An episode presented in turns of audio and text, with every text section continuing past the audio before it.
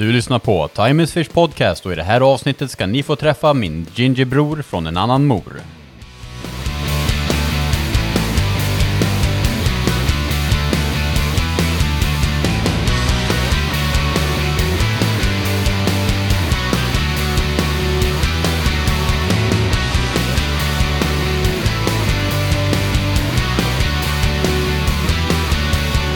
en Ultrex i sin bil och bara, ain't a problem. Bara kör tvärs över landet, levererar den på den här stuteriet eller liksom herrgården som vi bor på. Bara typ lägger den där inne i stallet. Och bara uppdraget slutfört och bara åker hem.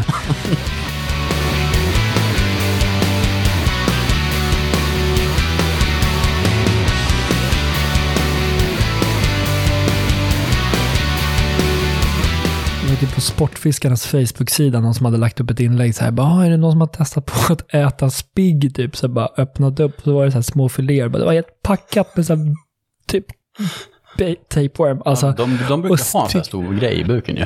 Ja, jag vet. Och jag bara såg det inlägget. Jag bara, alltså, jag skojar inte. Jag var så nära på att kräkas. Jag är inte kräsmagad. Men just när det kommer till så här, det mask. Ja. Och jag vet ju själv man har stått med, med torsk man har fått med sig hem. Och så står man och, tack, eh, så står man och, och rensar eh, filéerna liksom efter, innan ett saltlag. Mm. Och så, så här, smiter man ut de här små mask... Eh, eh, Ska du också? Nej tack. Eh, man smiter ut de här små hela ihopcurlade maskarna i den här eh, semi-upptinade torskryggen liksom. Ja. Och bara skickar ner dem i soptunnan innan någon ser. Alltså bara... eh, Jag ska inte, det, här är ingenting man drar upp liksom vid matbordet. Det, det är garanterad osämja. garanterad panpizza. Så du menar att det gäller att hålla masken? Ja, det gäller att hålla masken. Men det är ju så här, vi, vi, det är ett lubb.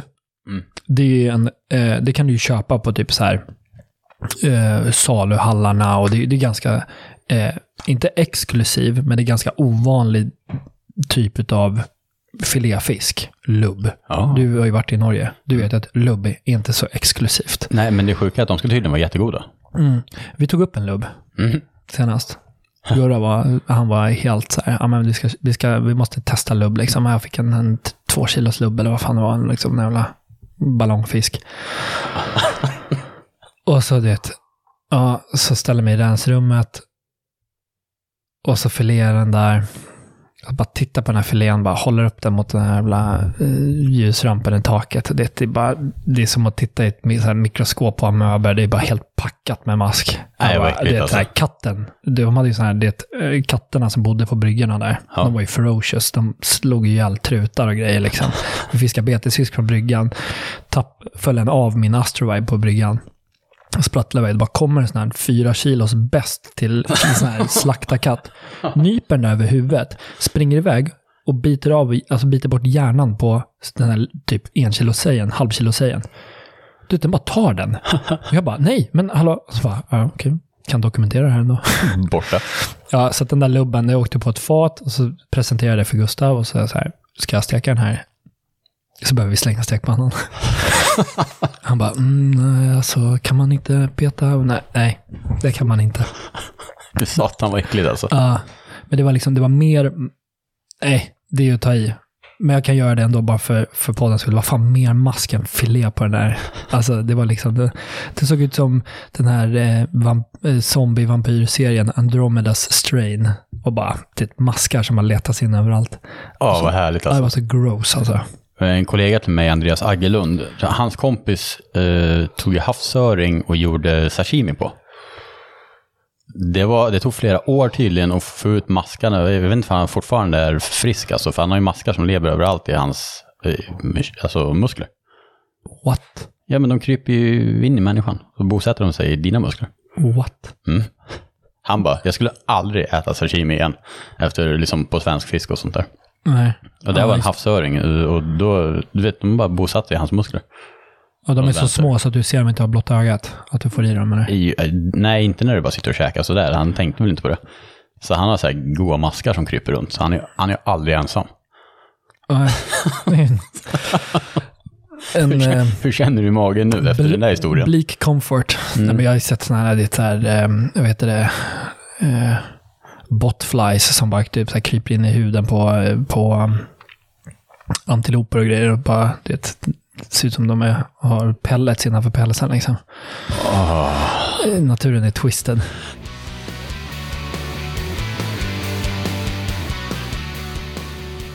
Ska vi riva igång den här podden? Det tycker jag. Nu eh, äntligen fick vi chansen här när Ja. hemtjänsten drog. ja. ja. Då sitter jag här med Adam Orre. Tjena, tjena. Välkommen till podden igen. Igen. Ja, vi gjorde ju ett avsnitt där i, um, I våras. i våras. Ja, Eh, med en, eh, en liten eh, bebis på golvet som kröp runt. Så det var, ja, tanken var ju god. Ja. Men så fort vi började prata, då rev det igång. rev det igång. Och det var påsar och grejer så att helt, det gick liksom inte riktigt att använda det där materialet. Nej. Så vi kör igen. Ja, och nu har vi ju samlat på oss material genom eh, halvåret som har gått. Ja. Eller vad man ska säga, det finns hot topics. Hot topics. Och det är ju framförallt du då. Mr Hot Topic. Visst hot topic. Ja, eh, nu Adam hamnade i blåsväder igen. Skandalerna. Ja, hittades naken på torget. Nej. Men nu sitter vi här hemma hos eh, dina föräldrar för att kunna få lite eh, lugn och ro och, och tyst. Mm. Barnen är på dagis och Mm. jag har dispens för dagen. Ja. Ehm, och fun fact, det här, där vi sitter nu, satt vi för en herrans massa år sedan och åt egenfångad abborre. Jajamän. vi rensa här ute till vänster, mitt i natten. Jag har fiskat abborre i Bergshammarviken och Mm. vi fick något grönjävligt med abborre, kommer jag ihåg. Jag kommer inte ihåg hur många hundra vi fick, men det var rätt sjukt. Ja, Och det var första gången jag fiskade i skärgård. Det var så jäkla kul. Ja, då hade Inga- inga gamla. Ockelbo-båt och det var liksom typ blåste 10 sekund nordan. Ja, det var, det var lite tufft, men jäkla vad fisk vi fick. Det var skitkul. Stod vi här hemma och jag tror till och med vi, eh, vad heter det, vi flodde dem. Stekte dem typ hela, bara rullade dem lite i så här ströbröd och bara stekte Ja, ja, dem typ. Så bara körde de på knäckebröd här mitt i natten. Ja. Jäkla nice. Men det, faktum är att jag har ju varit här väldigt mycket genom åren. Ja, du har Eh. ju, du har ju faktiskt fått en, eh, en papperslös identitet av adoptivson av mina föräldrar. Ja, ja, din morsa var ju, var ju liksom, skoja lite om att skriva ut adoptionspapper till mig. Ja, ja du var, bodde frekvent här eh, under de åren. För Ja. då var du resande säljare för Westin Ja. på hela det här området. Jag var, jag är några år yngre än dig. Mm. Jag bodde fortfarande hemma. Och då var det perfekt. Jag hade precis börjat på Söders eh, med några års marginal. Mm. Något år kanske. Och vi fann varandra. Ja, det gjorde vi. Ja. Så vi sov här inne i ditt pojkrum. Jag tror till och med vi försov oss någon gång. Jajamän. Jajamän. Det, det hör till. Om man inte försovit sig i ett pojkrum, då eh, bör man prova igen. Jag tänkte direkt på Michael Jackson. Det var olugnt. det, ja, precis. Stryk det. Här stryks ingenting. Eh, Det här är Raw and Uncut with Daniel Nilsson. Precis. Och ja, men det är kul. Vi, jag har fått varit med här. Din familj är fantastisk och du har två bröder. Mm. Ni är ju tre brorsor. Mm. Det kan ju skapa en kul dynamik. Hur var det nu när eh, någon av dina brorsor skulle skapa ett nytt användarnamn på något så här... Eh, Eh, Online-spel. Ja, det, jag tror att det var typ någon sån här eh, login på Steam eller Xbox Live. ja, Min yngsta bror är åtta år yngre och du får tänka att lätt manipulerad eh, kan man säga. Så vi tyckte att, att, att man skulle heta Goon, att man var en Goon, liksom en, en hejduk. Så vi lurade han att han skulle heta Goon Orre som någon namn. Väldigt roligt. blir ju rakt av gonorré då. Mer eller mindre rätt upp och ner gonorré. Nu. Gonorré has joined the chat. Nej, det jag tycker det är jäkligt kul. Typiskt här kanske när det är tre brorsor, att det kan bli sådana här grejer. Ja, liksom ganska våldsam och rå humor. Mm. Och som sagt, jag har hängt mycket här. Jättekul att vara tillbaka. Mm. Får se Ja, ifall, är- ifall din morsa kommer hem här sen också och får hälsa på henne. Det var faktiskt rätt länge sedan jag träffade henne. Och det, nu är det ju tre tomma eh, rum i huset, så att eh, går åt helvete för dig. Ja, exakt. There's always space. ja, nu gapar det tomt här. Det var alltid livat här förr men Mm. nu har alla flugit, flugit ur boet. yes. Och du nämnde lite snabbt där att du eh, var på Söder Sportfiske. Och om man vill följa Söder Sportfiske på till exempel Instagram, Åh nej. då kan, då kan man ju gå- skriva Söder Sportfiske så får man upp en Instagram-sida. Ja. Och det var länge sedan den uppdaterades och den sista bilden på den är jag med, mitt förra pers på gädda på 13.05. Som för övrigt, du var ju med den dagen när jag fick den också. Yes. Ja, inte i din båt, men... Nej, men vi eh, delade stuga då. Och så det var ju väldigt roligt, men det är ännu roligare att det är så dåligt uppdaterat på sociala medier från Söder Sportfiske, eller hur? Fun backstory. Ja. Eh, vi var två eller tre i butiken då och alla hade logginnet till den där. Jag kommer inte ihåg vilken mail den låg på. Men det är försvunnet i all evig tid. Jag har försökt kontakta Instagram för att fixa det där.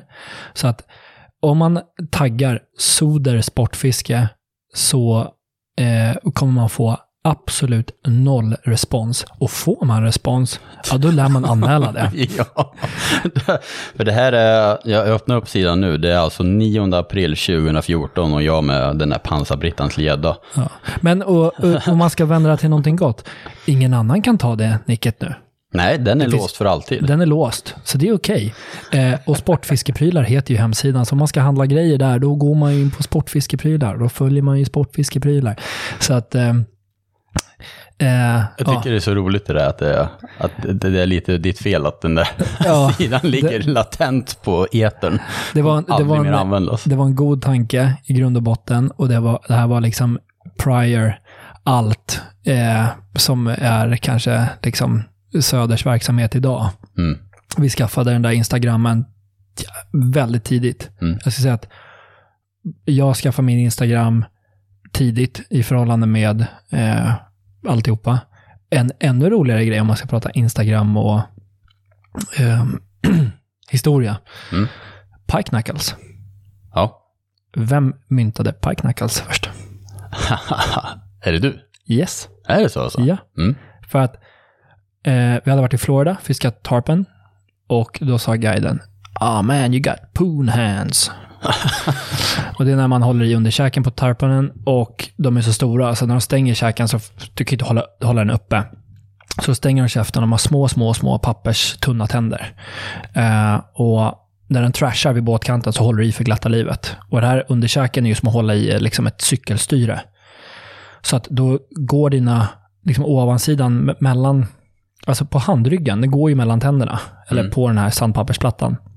Så då får du liksom som en, en, ett skrap. Liksom, ja, skrapvävnad där. Ja. Så då har du liksom, om du har fått många tarpen så har, du- har man lite förhårdnad förbi knogarna. Och det kallas då poon hands. Och så finns Coolt det alltså. bass thumb. Ja. Och så var det jag, ehm, Gustav Masken Olsson Mm. och Han är en legend ja, alltså. han är legend. Jäkla rolig filur alltså. Ja. Eh, men han var med mycket och fiskade när vi fiskade mycket i skärgården på back in the days. Eh, och ner på mitt eh, sommarställe nere i Sankt Annas skärgård. Och så var vi där och så fiskade jag han och om det var Gustav Meissner eller Martin Dahlin den gången. Jag kommer inte ihåg. Vi var i alla fall tre stycken. Han fick, jag tror han skåpade ur oss på en blå silver sonkertail eller något sånt där. Big Mac Rubber. Han bara shreddade eh, fina skärgårdsgäddor, så här 7-8 kilo strömmingätare. Och hans knogar, det, det, det var helt förstörda utav de här trashande efterleksgäddorna. Och då var hashtaggen Pike Knuckles kom. Jaha, vad roligt. Och sen var det en, eh, en bredbrättad sörlänning, En en, brejflabb. brejflabb, Ja. som eh, tyckte att det där passar bra. Det är kul. Det har blivit någonting utav det. ja, det är ju ett varumärke hos uh, Sporting just nu. Ja, ja. Hela deras varumärke heter Pike Och Knuckles. Stefan, om du lyssnar på det här, jag bjuder på den. Ja, It's yours. och det är lite kul. Stefan skrev till mig idag. Jo gubben, när ska vi komma igång med podden? Vi måste podda. Alltså, eh, vi pratade om att podda jag och Stefan här för ett tag sedan. Så att, eh, jag ska försöka nu innan jul åka ner till, till Örebro och podda med den glada dansken. Ja, Eller han, galna dansken, beror på alltså han, så mycket, han, han är ju en sån här eh, original som typ Berra och, och Trumman. Och, ja. Men en av grundpelarna i branschen. ja, i alla fall typ eh, cementet som håller fast en utav dem. han, han, han har otroligt mycket stories. Han Mm. har otroligt mycket, liksom, Han har varit med jättelänge nu. Han har så. varit, han har varit med jättelänge. Så det, det är en, en, en podd att, att lyssna på. Ett avsnitt att lyssna på, helt klart. Mm. Eh, nu är det svårt, när man lyssnar på en podd så kan man inte riktigt få det textat. Men eh, kanske man kan ha en sån här voice-over-tolk som fixar. Eller så kör vi det bara på engelska eller någonting. Ännu värre. Ja, ja det är. Vi får se hur det går. Det blir väl så här kanske att så här, 30% förstår vad han säger, resten tycker bara att det låter kul.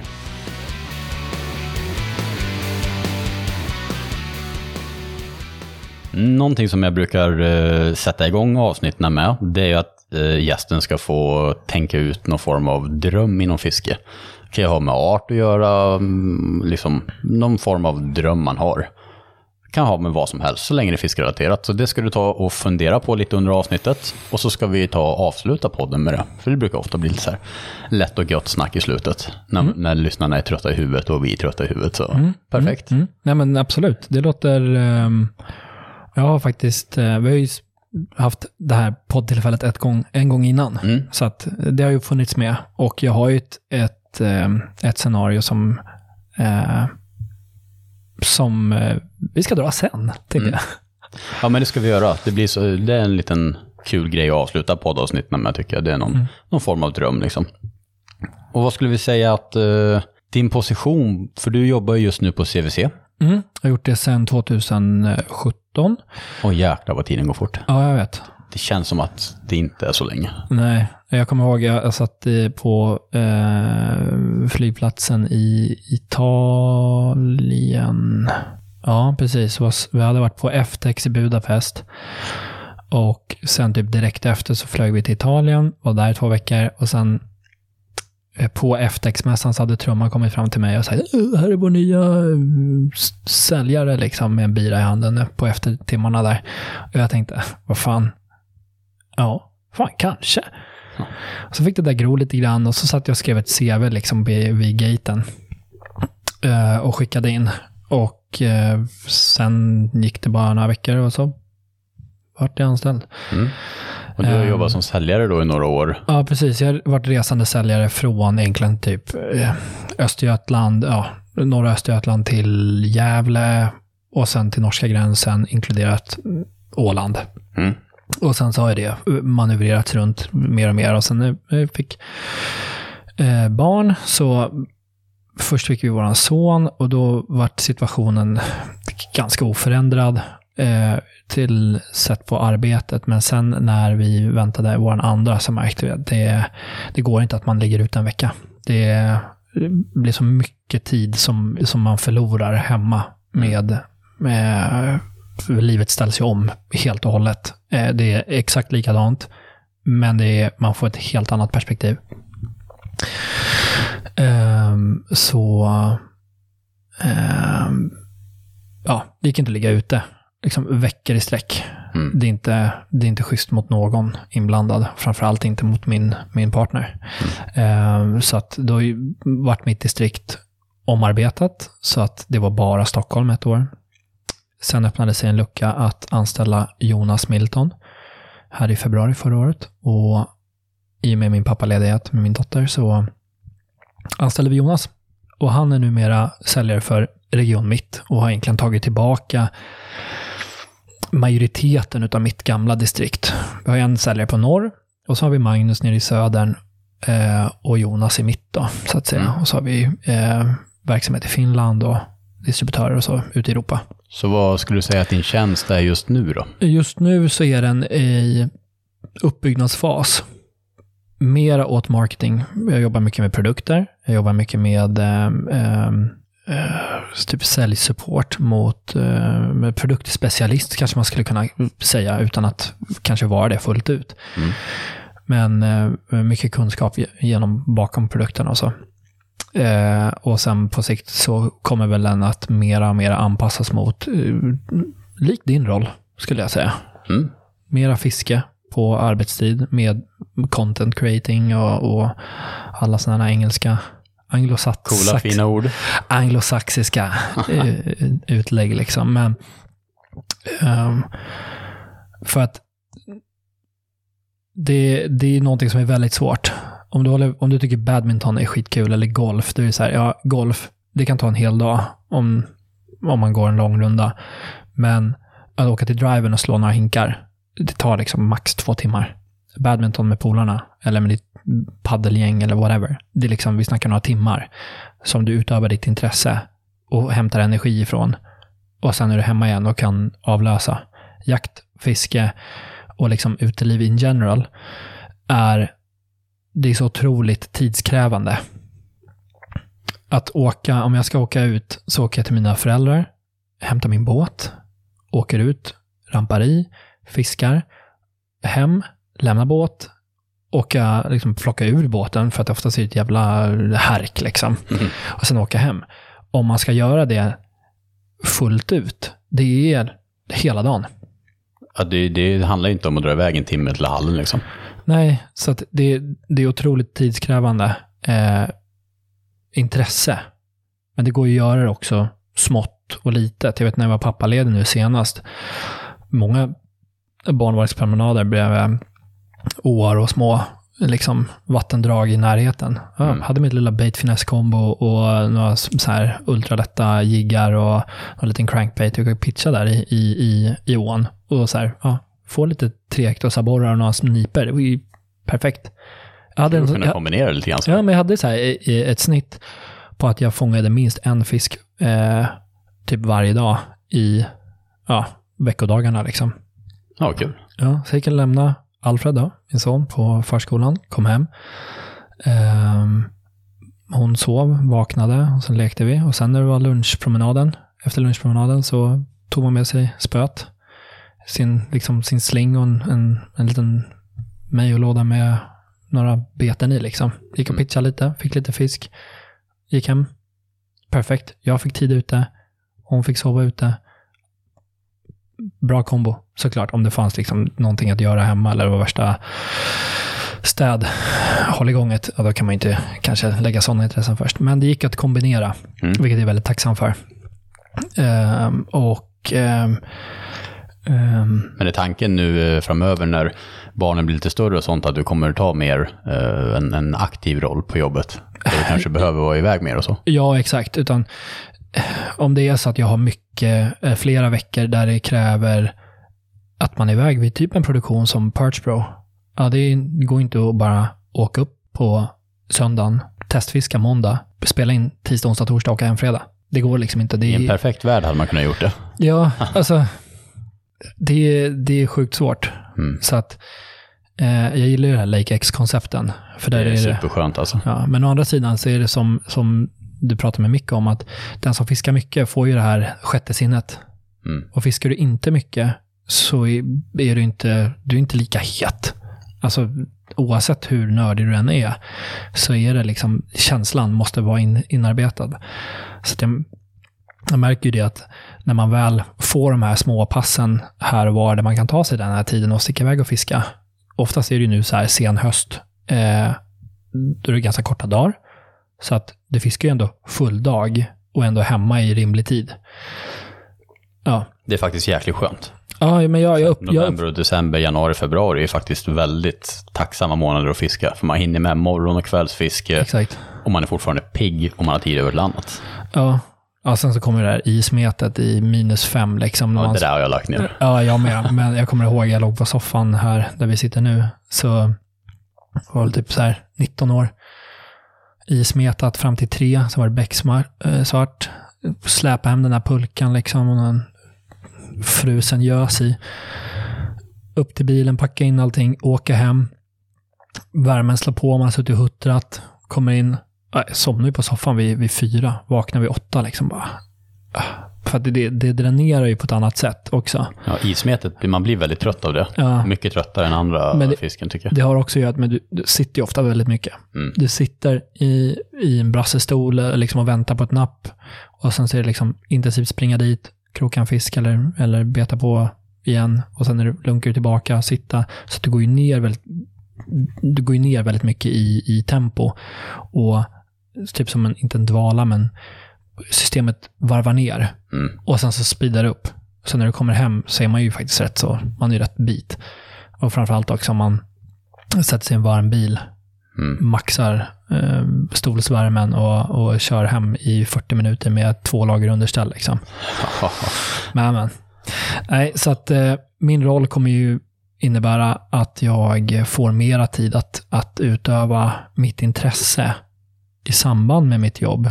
För att det är ju ett dilemma som både du och jag har, att det vi gillar att göra är också vårt jobb. Mm. Eller det är inte ett dilemma, men det, det är ju ett problem på ett sätt. Eh, för att åka ut och fiska privat utan några strings attached, bara för att det är nice. Ja, I min situation så är inte de passen jättemånga. Det är inte min heller faktiskt. Nej. Alltså, jag fiskar ju jättemycket i jobbet. Och det där har ju min sambo haft lite svårt att förstå. Att, att jag kanske är iväg och rekar och sen filmar en produktion.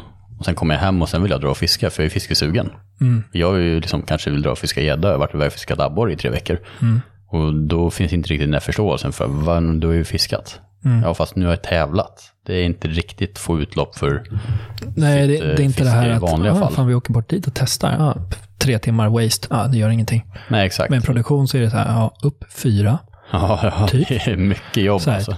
eh, greja, rigga, traila. Ja, ska vara, du ska liksom vara startklar med kameramannen åtta. Ja. Sen är det bara börja ja, dra av tid.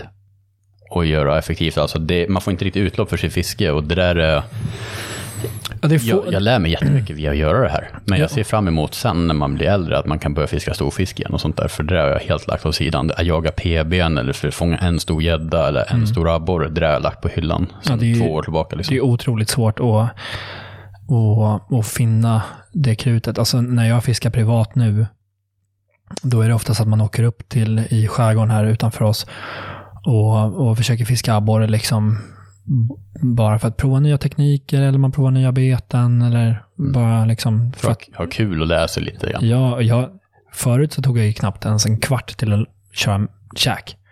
Mm. Nu, nu kör jag liksom, jag tycker det är viktigt när man är ute privat. att Det måste vara liksom, alla plan måste vara bra eller schyssta. Eller, ja, men, Det måste vara trevligt på alla plan. Jag kan inte dra ner en bra dag genom att äta en gammal liksom, OKQ8-macka som har legat och uh, glott ut genom det där fönstret i en vecka. Liksom. Det måste vara nice. Mm. Eller om jag, om jag får välja själv så skulle jag allra helst liksom vilja kunna ha en timme som inte tas av fisketiden. Men en timme där man går i land, gjutjärnspanna, kör en pyttipanna eller liksom kör någonting, lagar mat ute i naturen. Det tycker jag är otroligt trevligt. Det är nice. Jag kom- är min... Jag kommer ihåg när du och jag var nere och körde i början på covid. Körde vi en sjö eh, nere söderöver, varsin båt. Ja, när vi fiskade abborre ja. Ja. Mm. Och fisket var ju katastrofdåligt. ja. Jag fick en jättefin abborre. Ja, du fick en typ 1340 tror jag, eller något Ja. där. Och vi fick väl några. Men sen var det ju Ja. locket på. Ja, åkte upp. Gjorde anhalt med någon vindskydd, körde fram murikan, låg där i Mm. Så vi solen. somnade typ en sväng där också. Ja, vi eller, var, eller var det dag två i skärgården där? Då, då, Ja, då, då var det somna. ja, Ja, för det var ju riktigt nice då där gjorde vi hamburgarna. Mm, Mega hamburgare. ja. Jag menar, Det var nice. och det, det är sånt här som är också, det, det, det är det som skapar minnena med. Mm. Om du bara åker ut och fiskar, målet är att fiska och så får du liksom samma storlek på abborre. Eller du är i typ samma typ av miljö dag efter dag efter dag efter dag. Jag tänker liksom de här folk som kanske fiskar enbart i Kalmarsund, om vi tar ett exempel. Fiskar bara i Kalmarsund, fiskar bara på samma ställen, fiskar bara med samma grejer. Det är, liksom, det är, så här, det är mera rutin. Jag vet inte fasen alltså om, om, om det här liksom minnesskapandet, om det inte är så att man liksom får ett, stora fiskar, liksom tangerar PBn eller det händer sjuka saker. Ja, det är klart att det händer ju när du är ute på sjön. Men för att skapa minnen och, och relationer, jag tror att det, man behöver liksom se helheten. Mm. Det tycker jag är viktigt. Jag har alltid till exempel med mig en Bialetti-bryggare. Det vet jag att du har numera också. Ja, Bialetti-bryggare i båten. Alltså kunna brygga en espresso ute på en grynna på Vänern. Det är ju fan guld. ja, jag kör ju en sån där Aeropress nu. det så har jag en liten kaffekvarn. Så att Ja. jag maler ju kaffe. Men det är också verkligen när det är privatfiske, när man har mycket tid. Ja. Då, kan jag tycka det är nice att bara mala lite Ja, balkbönor och, och sådär. Ja, Men, jäkla nice. Ja, och det är likadant där med, med när vi kör typ Perch Pro. Det är bara sån här cappuccino mixpåse, Nescafé Mm. och bara en termos med varmt vatten. Jag har inte tid ens att koka vatten i båten. Det är bara Mm. pour it in och sen en macka liksom. Det är stor skillnad på att Det- fiska eh, jobbmässigt eller det- fiska privat. Och Ja. Det är ju svårt att hinna med. Ja, men typ Perch Pro, då har vi ju ingen eh, stopptid. Nej, just det. Ni, ju, ni får ju fiska på hur mycket ni vill. Ja, då är det, då är det ju liksom, eh, ja det är ju tio timmar från första kastet och första kastet första dagen är åtta. Men, och sen är det lunchrapport typ 12.30 eller någonting. Och sen efter det, alltså 12.30, då, då ska du sitta där och vara beredd att, att ta eh, samtalet. Och sen efter det, när det är slut, då kan du bara kasta igen. Medan i Det är Perch, stressigt. ja, men vi har alltid sagt det att så här, vi åker in i lä, kör rapporten oavsett. Åker iväg, tar rapporten, ät, sträck på er, ta en kaffe, drick vatten. Alltså få i dig mycket återhämtning. Och sen så börja igen. För det är ju nice med, med fightproduktionerna, för då för måste vi sitta i en halvtimme. Ja. Eh, och då, då, då gör man rapporten snabbt och sen har vi liksom, Mm. Och då blir det så då här, vet man att nu sitter vi still. ja, och det är så här på gott och ont, för det kan ju vara så att du är inne i värsta streaken. Då du bara hystar upp abborre, eller gädda eller whatever du fiskar. Och sen så bara break. Mm. Men ändå lika för alla. Och då får alla Exakt. energi. Det är nice. Mm. Jag tror det är bra faktiskt för Jag tycker, det är, jag tycker det är jätteviktigt. Um, men det, jag tycker det är skillnad. Det är skillnad på det fisket och det privata. Jag skulle säga att det, det ger ju mig mycket att fiska i jobbet. Jag vet typ så här, några av mina bästa fiskepass har ju varit, ehm, ja men typ året vi vann Perch Pro, säsong sju. Då var ju liksom, vi gick in för, eh, liksom med angreppet att varje dag är en ny dag. Inte liksom att det här har vi i bagaget och det här och det här. Det var ju alltid med såklart. Det är svårt att bortse från det. Men dag ett bara fiska, fick massa stora abborrar. Dag två, fiska, fick massa stora abborrar. Dag tre, du vet, vi kände så här, bara fan. När kameramannen frågade bara, vad hade ni för topplängd egentligen? Började ställa lite så kontrollfrågor när vi var på väg tillbaka. Bara, jag måste skicka in det här till, till redaktionen liksom. Jag bara, fan, det kanske vi kanske kan vinna. Ja. Vi kanske kan vinna hela skiten. Inte bara vinna någon dag eller få någon poäng liksom och bli omseglade, men vi kanske kan vinna hela rasket. Då börjar det fladdra. För då har man haft så jävla kul fiske. Alltså jag hade ju så här en instans, jag ska testa det här betet. Bötstorlek på krok, kastar ut, botten, ett lyft, pang. En två plus abborre. Det är så sjukt fiske. ja. Och, Sjukt alltså. och då är det, allt var ju bara kul. Man var ju glödhet. Ingen kunde, nobody could touch you. Det var liksom, Så ser inte alla produktioner ut. nej, nej, nej. Å andra sidan, jag har ju, så här, jag har ju blankat i Perchfight. Ja, jag Lake X förra året. Ja, det var ju liksom... Fruktansvärt. Nej, det var inte Lake X. Jo, det var, Lake Jo, det var X. det. det var ja. den här hemska 60 meter djupa sjön. Och så bara ligger vi två stenkast ifrån eh, Team Rappala. Mm. Och man bara hör dem bara ho, ho, ho. Stod jag där och bara, det, de måste fejka. Och jag, jag var helt övertygad om att de kommer blåsa av det här. Det är ingen som har fått en fisk liksom. Ja. Så bara titta på ledarbordet bara, nej vi bara, bara offside. Så, det är fruktansvärd känsla när, när man känner liksom innan rapporten att man har gjort skit, men förhoppningen är ju att det är samma för alla och bara okej, dagen suger. Vi, vi hoppas på att hitta på det och så får man rapporten så, så bara... Ja, så, har vi suger. Ja, så har typ alla fiskat bra och man bara... Den, den känslan är fruktansvärd. Det önskar jag inte någon i produktionerna. För att det är inte kul. Alla, all, nästan all, alla lag som är med i alla de här fightproduktionerna har haft sådana här dagar. Ja, gått- stolpe-utdagar. Det Ja. är totalt åt helsike liksom. Mm. Det är verkligen, uh, det är bara att kolla Abu. Förra året så kom de sist. Mm. I år vann de alla poängen. Japp. Liksom, det svänger så snabbt i de här produktionerna och eh, det känns som att alla är så duktiga fiskare. Och det är det som är kul, det är att alla har dåliga dagar. Mm.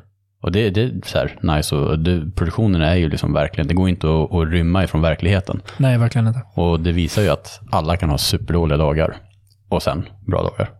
Vad har du för superstarka minnen? Såklart vinsten där då i eh, Perch Pro. Det, det är ju ett starkt minne, alltså när ni väl får reda på det ett halvår senare.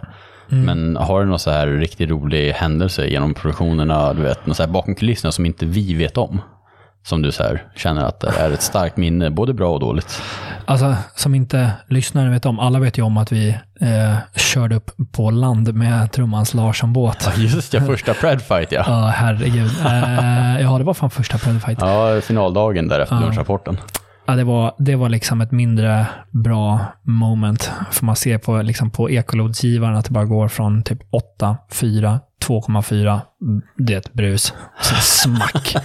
Brus. Och jag bara hissar upp. Det kanske bara är skäddan och trumman säger Nej. bara, det finns ingen vits, vi behöver inte se det där nu. I med elmotorn så kör vi. Ja, det är fruktansvärt alltså. Jag hade önskat kanske där att man hade varit mera liksom motståndskraftig mot sin egna pyspunka, men det var liksom, det var sån här eh, rysk raketrampsbil med gigantiska däck, 40 stycken liksom. Det var punka på varenda en. Liksom. Det var, jag kom inte framåt. Kom inte bakåt, kom inte någonstans. Jag kommer bara sjunka ner i leran här och nu. Och det värsta var ju att ni, ni var ju så hoppfulla efter rapporten. För ni bara, okej. för Vi låg ju på samma ställe. Ja, och det sög ju. Och ni visste ju vart ni skulle åka. Ja, vi hade ni kan ju den där sjön väldigt... Men så Ja, ni visste ju liksom att, ja, ni visste ju att vi vet vart vi kan åka och göra en riktigt bra eftermiddag. Har i alla fall liksom hämtat upp några poäng, för att vi låg Ja. ju inte helt åt skogen eh, tabellmässigt. Nej, nej. Så att våran ambition var ju att, okej, men nu, det är 45 minuter bara i, i stumma 40 knop och trockla igenom massa sund och allting. Liksom bara. Men Mm. då kommer vi ut på det tävlingsområdet som vi mer eller mindre vet att Abu, Normark och ehm, Söder. Ja, Söder. Alltså, det ligger tre, fyra, tre lag där, Ja. det var, fyra lag. Och det var de tre som viskade bra. Ja, de fick 90-plussare liksom. Och vi, både du och jag låg ju inne i, i ett inneslutet Mars-system och det var liksom, vi Låg sa ju det på. Ja, det var dillstuvade gäddor som låg och guppade inne. Och sen, alltså. Dillstuva. ja, det, var, det, var, det var inte bra eh, gäddfiske där kan man ju säga. Eh, men ytterligare minnen bakom kulisserna. Alltså, Men en rolig grej där Ja. bara från, från, eh, från min synpunkt där, för att vi drog ju också ut ur det där eh, systemet och, och skulle fiska liksom utanför, tänkte det klarare vatten och sånt. Så när, när vi kommer ut ur hela systemet, då ser jag i ögonvrån bara, där borta längs med en ökant, där ligger CVC. Och jag bara, där stället känns ju som att det suger. Shit vad jag har analyserat fel, för att de vet ju vad de ska göra och de drog direkt efter lunchrapporten och de drog hit. Jag bara, jag fasen har vi missat för någonting? Så vi, vi åkte ut och körde de här grynnorna, men det bara naggade i mitt huvud hela dagen bara. Vad har vi missat? Och de ställena känns inte hett liksom. Vi har missat, de bara rusade dit efter rapporten bara, det måste vara glödhett där inne. Kaninen på elmotorn. Ja, Så där, mycket rusar vi. och där, där ligger ni och bara harvar och, och, och dit, dit.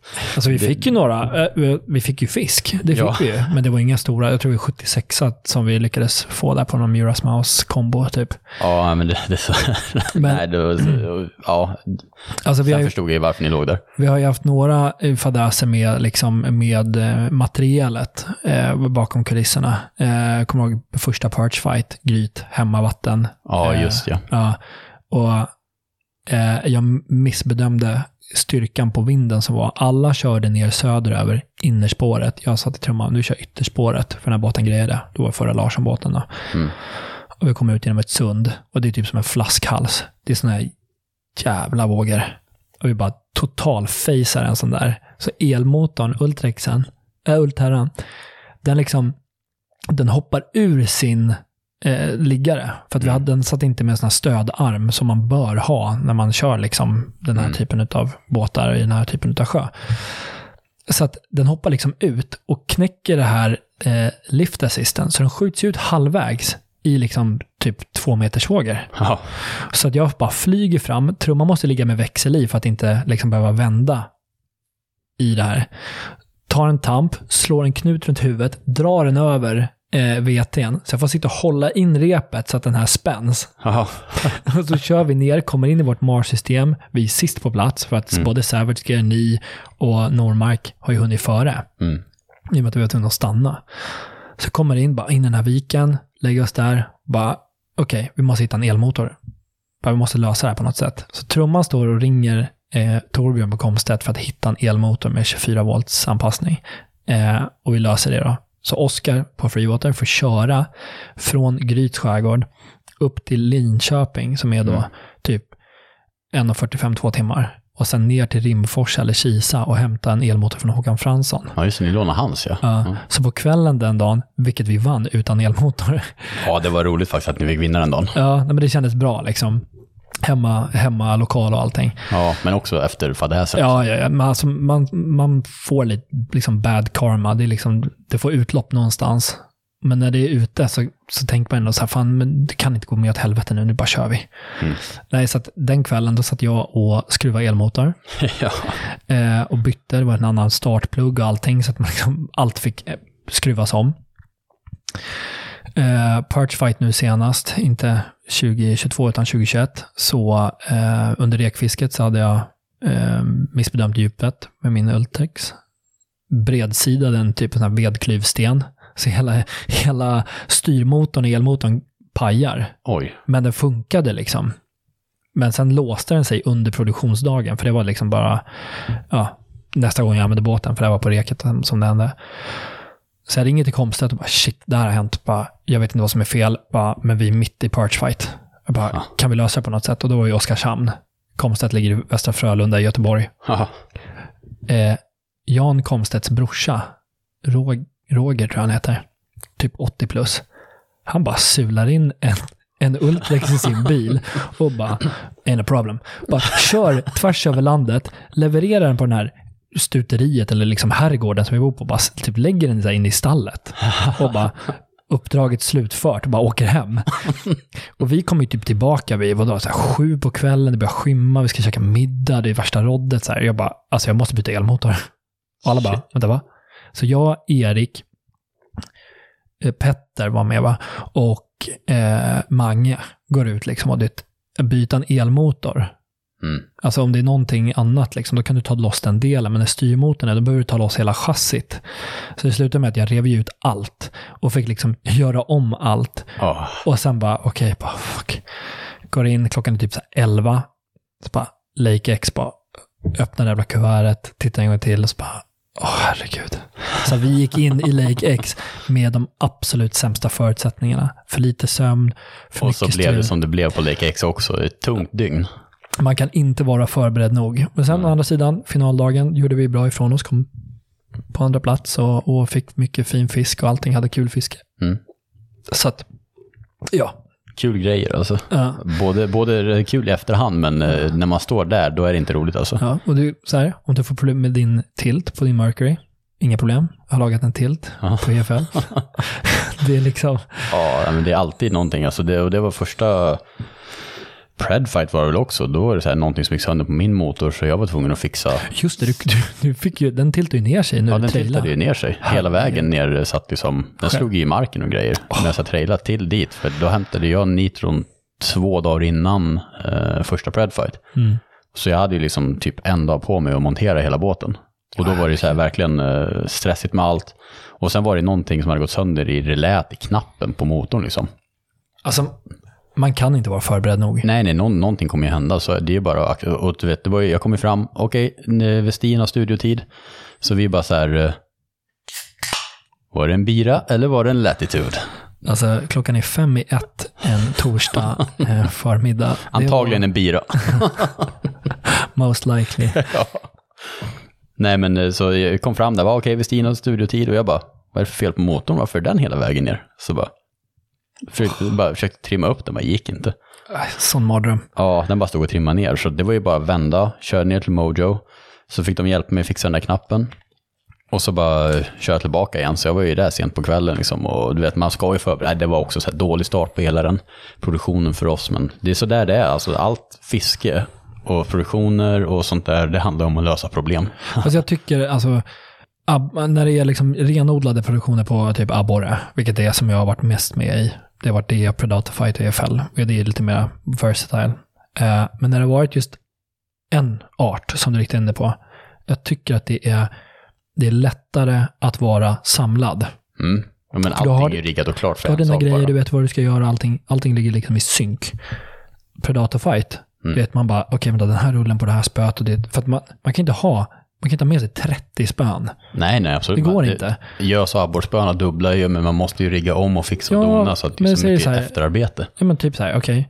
Eh, byta tafs. Jag kanske inte kan köra 0,28 flor och, och, och nedskallar, utan jag får dra på på det här spöet, får jag kanske dra på en 0,40 flor för jag ska köra jiggskalle på den istället, eller wobbler eller whatever blade.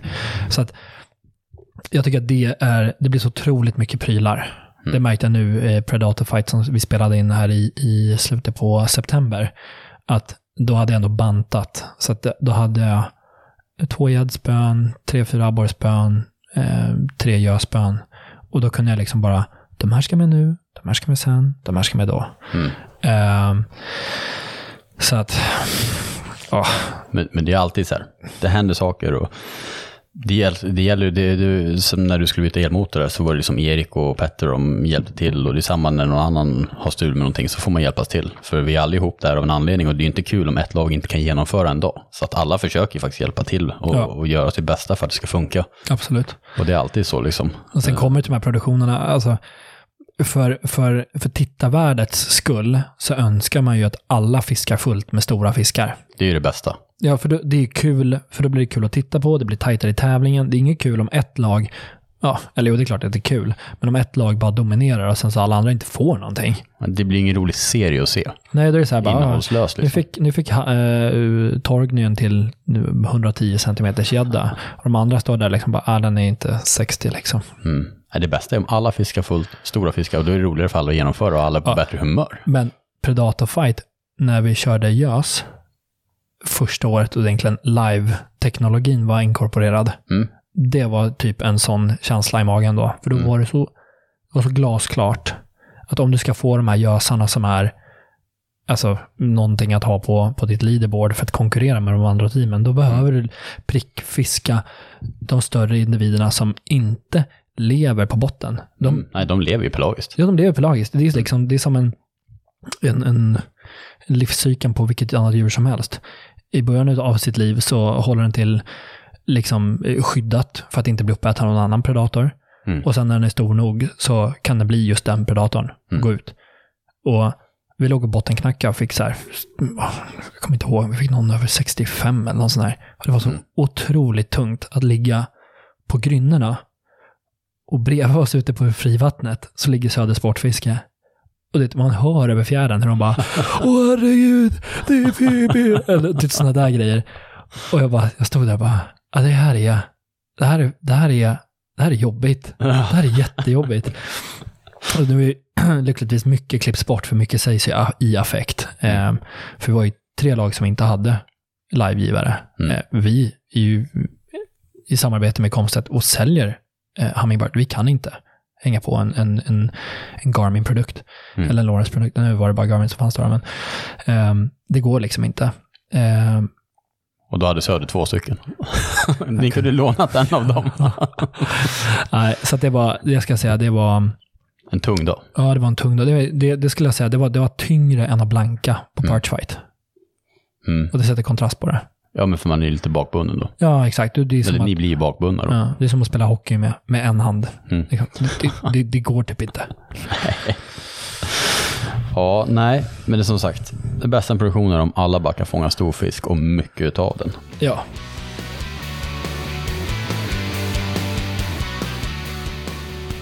Hur kom du ens i kontakt med fiske? Hur började det liksom i, din, eh, i ditt liv? Alltså, nu, nu har vi ett sommarställe nere i, i Gryts skärgård. Mm. Och förr i tiden så var ju skärgårdsfisket väldigt bra. Alltså, jag är ju född 91. Uppvuxen i, i Gryts skärgård och morsan är från Linköping första början och morfar. Jag måste hälsa till morsan i Linköping. Kom igen nu Britt-Marie, kör för fan! Och mormor hade gård där nere och, och byggde det här huset då. Eh, du har varit nere där på gånger. Eh, och det var... Allt, det är så luddigt när man tittar tillbaka när man var typ så här fem, sex, sju år. Liksom. Ja, det, det är liksom, du kanske har fyra år av minne sammanslaget till så här, ja men det här hände den sommaren. Mm. Men det egentligen är utspritt över flera år. Men jag började fiska, så var det eh, så här, det stod gamla kastspön med ett burkrullar i, i, i paraplykrukan på landet. Eh, och som morfar så gick vi ner och stod på en klippa och kastade liksom. Så här, typ blyspinnar eller någonting. Mhm. Jag kommer ihåg, jag såg, man såg två gäddor och man satt alltid ner med en hov och det eh, massakrera spigg och grejer. Och liksom man tittade och såg någon gädda som strök där längs med klippkanten eller i, längs i tången stod det någon, någon gädda när man kom ner en tidig morgon till viken bakom huset. Jag kommer ihåg liksom, fick en gädda på ett atom, eh, det här gamla YP, Yellow Perch-aktigt, så jag kastade ut och så fick den där nylonlina, jävla skittafs liksom, och den slet sig. Och jag kommer ihåg att vi stod och bara, den där gäddan följde efter, den här atomet hängde i mungipan. Det, allt det här är ju bara skön romantik nu. Alltså, det är klart att det inte var exakt just så, men då, när man var ett litet eh, glin och liksom allt under ytan, det var, det var bara så magiskt. Spännande och monster. Och... Ja, jag kommer ihåg, vi, vi fick en gädda, pappa fick en gädda Eh, nere på bryggan precis i skymningen, vaka på ytan och jaga någon löja. Det var typ kanske en sju hektars gädda liksom. Vi fick den där och alla var med och bara typ stod och hoppade på den där bryggan.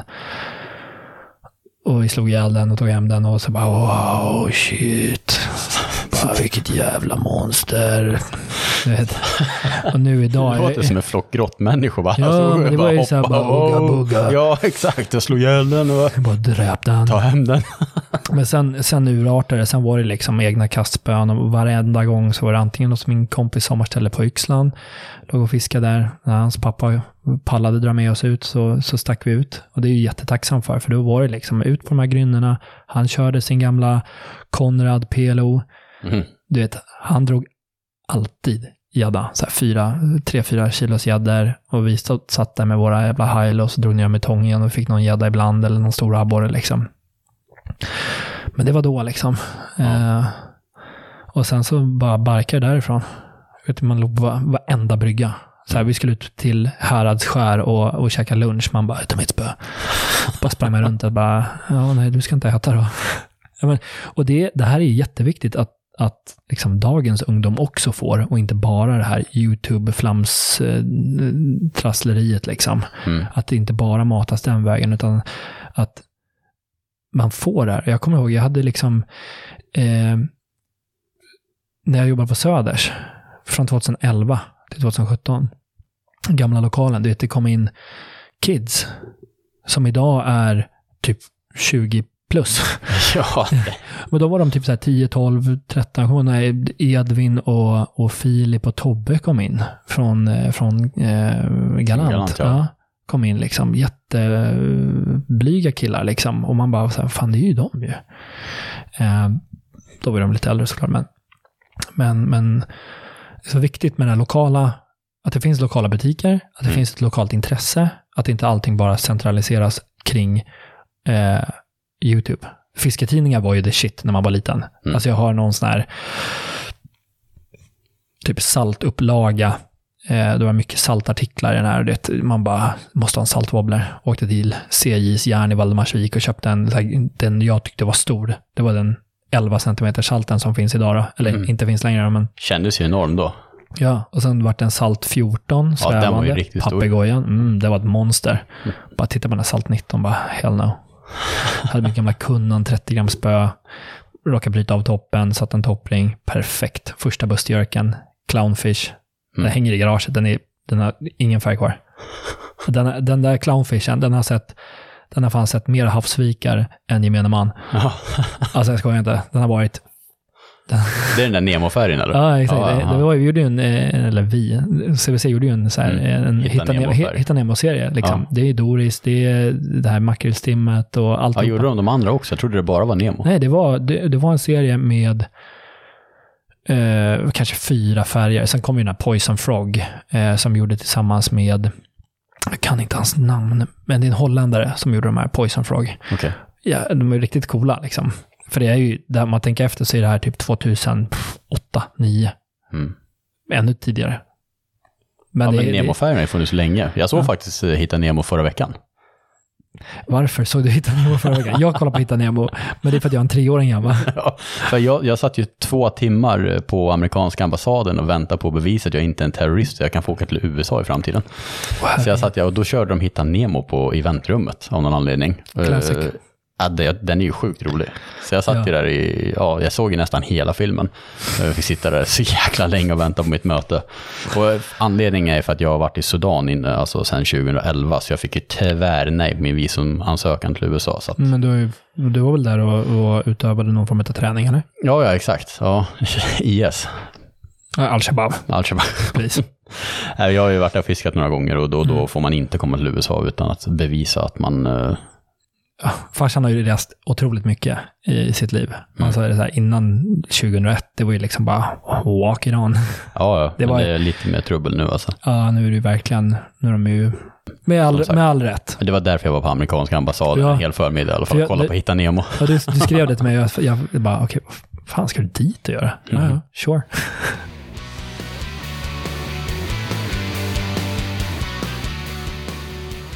Och eh, vad känner du att fiske betyder för dig i dagsläget? Alltså, det har ju gått från att vara det man liksom bara levde för. Nu absolut. Jag är ju, skulle säga att jag skulle inte kunna sluta fiska. Men jag fiskar inte på samma liksom, extrema rate som det var tidigare. Liksom, då var det varje dag. Men det är ju också för att ens livssituation ser ju annorlunda ut. Nu har man ju barn, man har eh, sambo, man har hus, man har åtaganden. Man har ett annat liv. Mm. Ehm, men eh, fisket är ju min plats att hämta energi ifrån. Även om det låter galet så är det min plats att hämta energi ifrån. Jag har tränat jättemycket i mitt liv tidigare. Eh, vilket fick stryka på foten när eh, annat kom in. Jag valde bort det framför att välja bort fisket.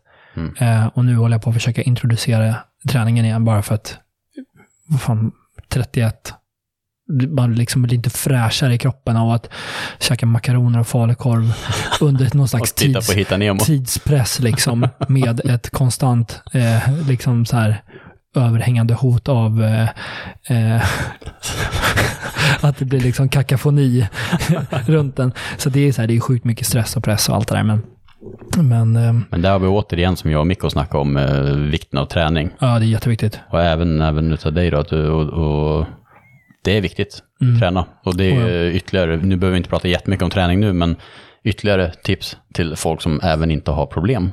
Träna, Ja, för slipper ni problem. Eller ja, minskar ni risken för problem i alla fall.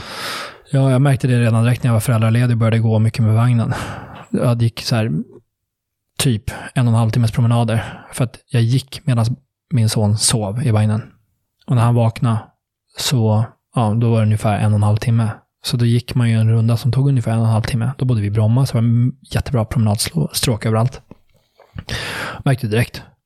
Liksom, livet blir lättare om du rör på dig mycket. Om du har, liksom, kanske inte att man står och kör deadlifting en timme om dagen liksom, och bara maxar vissa muskelgrupper, men att man hela tiden inte blir stillasittande.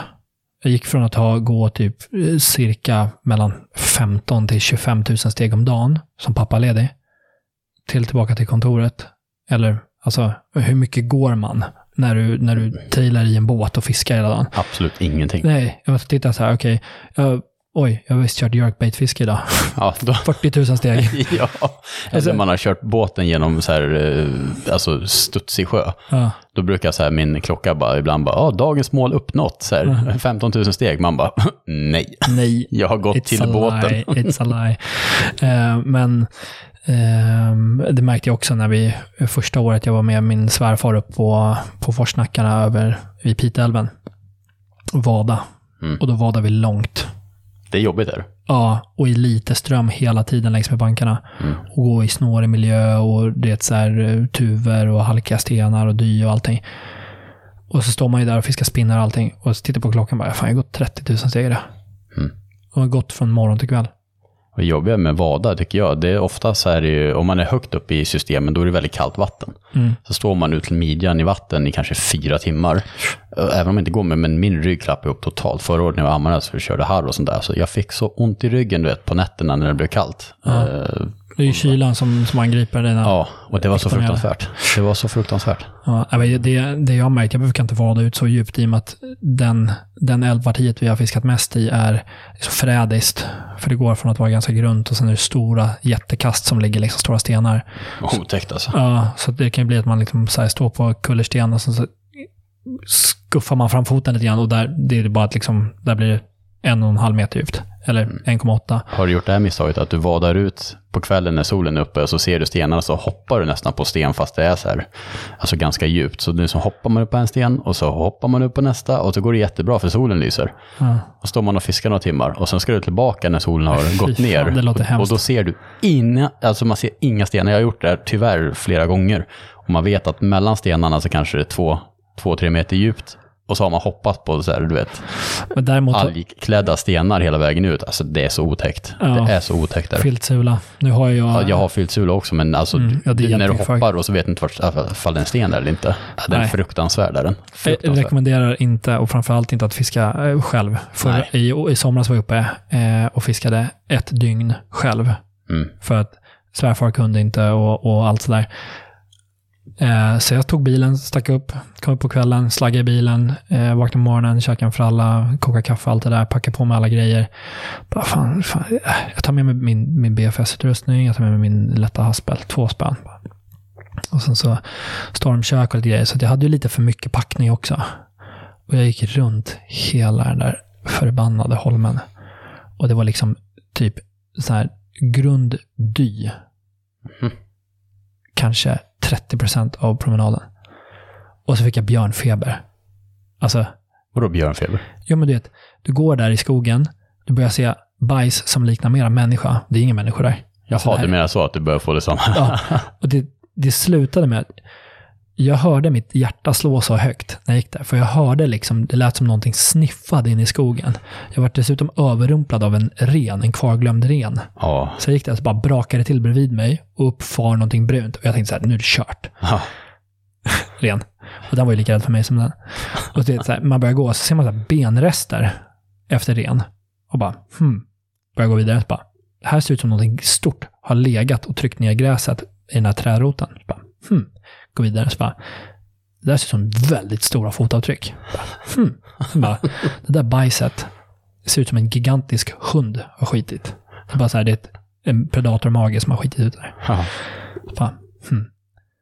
Och sen börjar det här, man hör någonting sniffa in i skogen. Jag ska gå i vattenbrynet. Kommer den där björn, alltså björnjäveln. Jag bara fimpar allt och simmar ut i strömmen. Så är det vatten. Björnar, de kan inte simma. De kan simma, men men- if I'm going down, he's going with me. Alltså, Ja, otäckt alltså. Ja, äh, äh, otrolig respekt för, för vildliv, men å andra sidan, man blir liksom lite väl... När det här börjar liksom bita fast, då är det ju... Ja, det är svårt att ta sig ur det. Mm. Jag kommer ihåg, det var ingen mottagning, ingenting, och så bara hörde mitt eget hjärta slå, och så bara kom jag ner på stigen igen, och så bara... Nu är det lugnt. Bara, vad är det för skillnad? Här är stig. Bara. är han här någonstans, är han här. Vad ja, just det, björnar kan ju heller inte springa på stigar. Det är den. De har inte sneakers.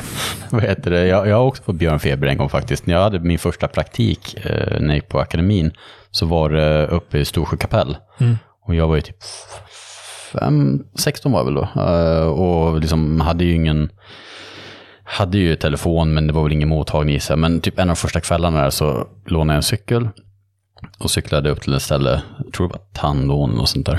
Ja, det var någon å i alla fall i närheten man kunde ta sig till. Och då visste jag att den var lungflyt några kilometer, men uppe i skogen började den liksom, och det var så här eh, myrmark och sånt då. Och sen visste jag att högre upp, där blev det mer forsnackar och sånt, och dit ville jag.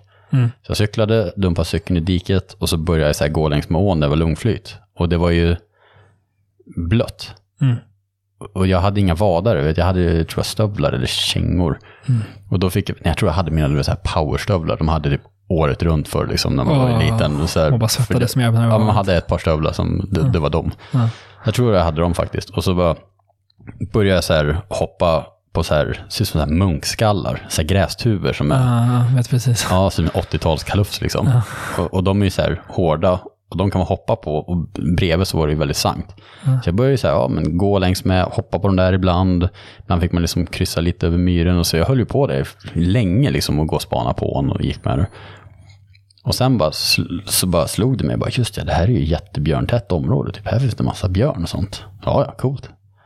Sen bara, du vet som du sa, där, man börjar så här, typ höra nästan att det sniffar, och så, men det är ganska stora öppna ytor så man kunde ju se rätt långt. Men så börjar jag känna så att, jäklar vad ensam jag är här ute, nu är jag långt från allting. Och ingen täckning eh, jag för mig, jag kan inte ringa och så bara.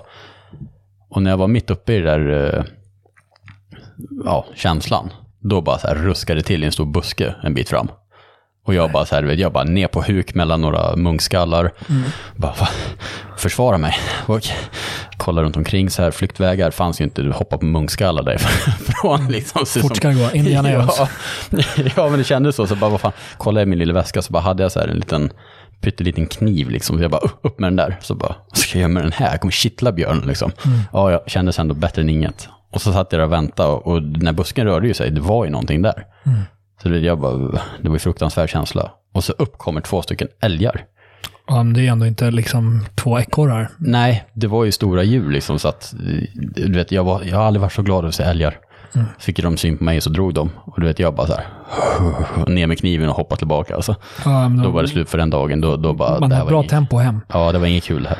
Det var, jag kände bara att det här var inget roligt. Jag skippade många kast på vägen tillbaka kan jag säga. Ja. Men, men alltså det är, de, har, de har ju mer respekt för en själv än vad man kanske har för de björnarna. Alltså, Ja, alltså jag önskar att jag fick se en björn i dagsläget. Ja, men du var ju uppe och körde i eh, Perch Fight. Mm. I ett av, om jag inte säger helt fel, ett av världens tä- björntätaste områden. Ja, ja. Jag uh, snackade med dem där, så vi ringde, för det var björnjakt när vi börjat när vi filmade Bird Fight, så det satt ju jägare överallt. Och jag har aldrig sett en levande eller död björn. Så att han vi bodde hos, Stefan som hade boendet, jag, jag bara, känner du jaktlaget? Han bara, ja absolut. Jag bara, kan inte du ringa dem och typ, om de skjuter en björn så kan jag få komma och kolla på den. Ja. Bara för att se djuret liksom, även om den är död då. Han bara, ja, så han ringde ju jaktledaren där, så att om de hade skjutit något under tiden vi var där så hade de ringt så jag kunde åka och kolla på den. Men du vet att de i Strömsunds kommun sköt de ju typ eh, så här 90% av kvoten typ under första veckan. Mm. Alltså det är så mycket björn så de bara, Men vet du hur hög kvot de har? Jag trodde de fick så här, skjuta två björnar om året eller det är ganska högt. Men det är några hundra. Ja, det är ganska högt. Det är, ganska mycket björn. mycket. Och när vi pratar om björn, du vet att det finns en typ hos dig? Ja, här i norr om Stockholm. Ja, Ja, det, i- Lars. alltså jag hörde det. Ja. Att det ska finnas björn här. ja för jag såg i, i när eh, eh, typ, eh, eh, vad ska man säga, Brottby-grupp på Facebook var det någon som bara, ah, såg något stort brunt som sprang här liksom. Och alla bara, "Äh, det är ett vildsvin, det är ett vildsvin, det är huvudet." Bara, Ja, fast vildsvin väger typ inte 300 kilo och går passgång. Nej, men då, är det, då kommer det in någon jägare där bara, ja, jag har en björn på åtelkameran och jag har min åtel här uppe i det här. Man bara, eh, där har jag typ så här cyklat. Cool. Ja, det är ju varg här. Alltså, Ja, men det är också. Alltså, du Ja. vet, eh, Ida bodde här innan vi flyttade hit, så de, hon såg ju varg när hon var ute och gick med hundarna. ja. Men det var ju några år sedan, det var ju någon varg som härjade här som stod ut. Ja, ja, men vi har haft vargspår på, eh, bakom huset där nere på åkern. Ja, Alltså, men det, det, det, det, det jag inte visste det var att det faktiskt fanns björn här. Jag trodde folk skojade med mig när jag hörde det. Nej, det, det är, jag, jag har frågat Lars, som eh, du har varit i Sudan med, tror jag. Jaha, okej. Ja. Ja, laser style. ja, har han eh, koll på björnar? Ja, han har koll på rovdjur. Så vill man veta någonting om rovdjur, då får man skicka honom ett DM. Jaha, okej. Eh, men jag frågade honom och då sa han att, ja, gå in här, Scandobs. Kan du kolla? Så bara, där är en åtelkamera. Och där står en björn. Coolt. Och den har tydligen bott där några år. Så att, det är häftigt. För att det är inte, alltså jag tror inte det fanns en björn söder om Orsa liksom. nej, nej, jag, nej, men det är intressant det där. Jag skulle vilja se en björn. Helst från bilen, Ja, faktiskt. agree.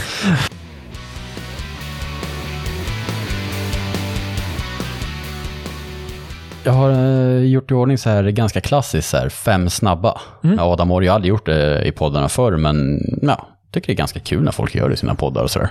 Jag Kör. tänkte bara köra fem snabba frågor med Adam Orre. Favoritsnack i båten? Oh, den var svår. Den var riktigt svår. Eh, nötter. Favoritårstid? Vår. Sutare eller ruda? Sutare. Morgon eller kvällsfiske? Morgon, om jag har vaknat. Om vi inte har försovit oss. Om du fick välja en enda art att fiska resten av livet, utöver abborre och gädda, vilken skulle det vara? Inte gös. Eh, öring. Ja. Ja. öring. Mm. Alltså så här insjööring och havsöring, absolut. Men öring. Ja. Kanon.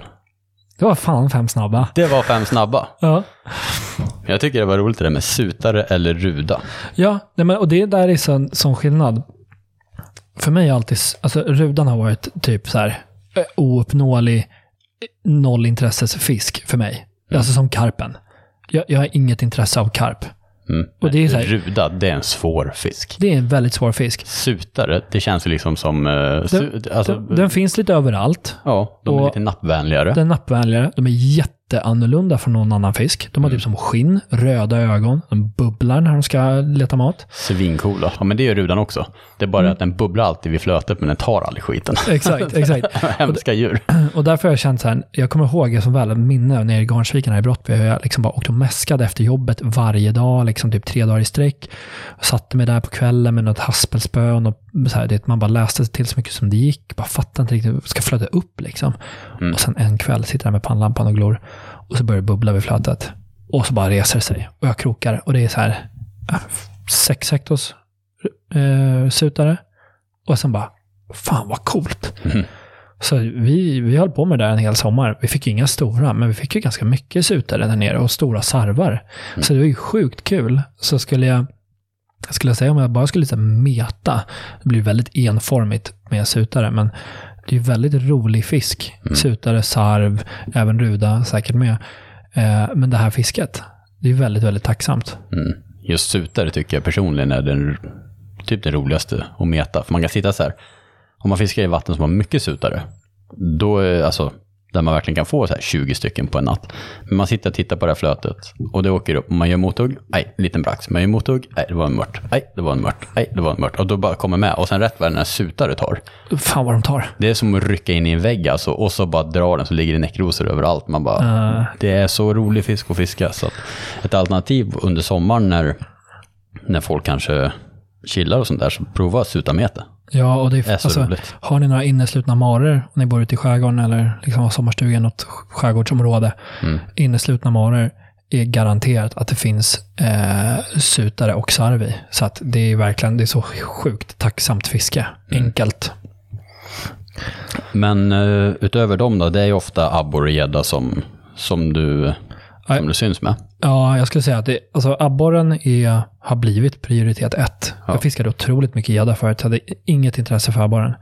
Och sen så slog det om och det har väl att göra mycket med att fisket i skärgården på gädda vart så otroligt eh, drabbat.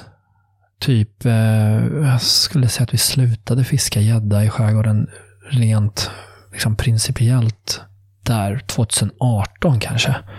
Och då vart det ju mer abborre successivt parallellt. Man la mindre tid på det. Det var så mycket fisk, eh, mycket folk som fiskade gädda i, i, i skärgården. Och liksom eh, gäddfisket var ju, det var ju det man gjorde. Det var där allting kretsade runt. Man höll på att utveckla, tänkte och, och funderade och allting. Och jag vet inte hur många gånger jag åkt upp mot Avesta-hållet och fiskat med stamkunder där uppe i älvarna. Och, och liksom gädda var det man fiskade. Mm. Men nu har det bara blivit abborre. Jag fiskar ju en, ett par pass gädda varje år, absolut. Och är det så att, eh, ja men som förra våren så stack jag till Vänern och fiskade med Andreas Seger eh, ett gäng dagar. Och då var det gädda liksom. Och jag tycker det är skitkul. Jag gör det gärna. Men det blir ju ofta så att det är mer lättillgängligt för mig i mitt stadie i livet. Och liksom, jag har fiskat abborre på mina ställen och mina områden när jag kan dem. Så jag vet att jag kan åka dit och fiska och ändå ha ett bra resultat på en dag. Mm. Medan gäddan är, i och med att skärgården är helt körd i botten. i Men det tycke. finns mycket små gädda i skärgården. Ja, och, ja, absolut. Jag har ju fått några runt sex.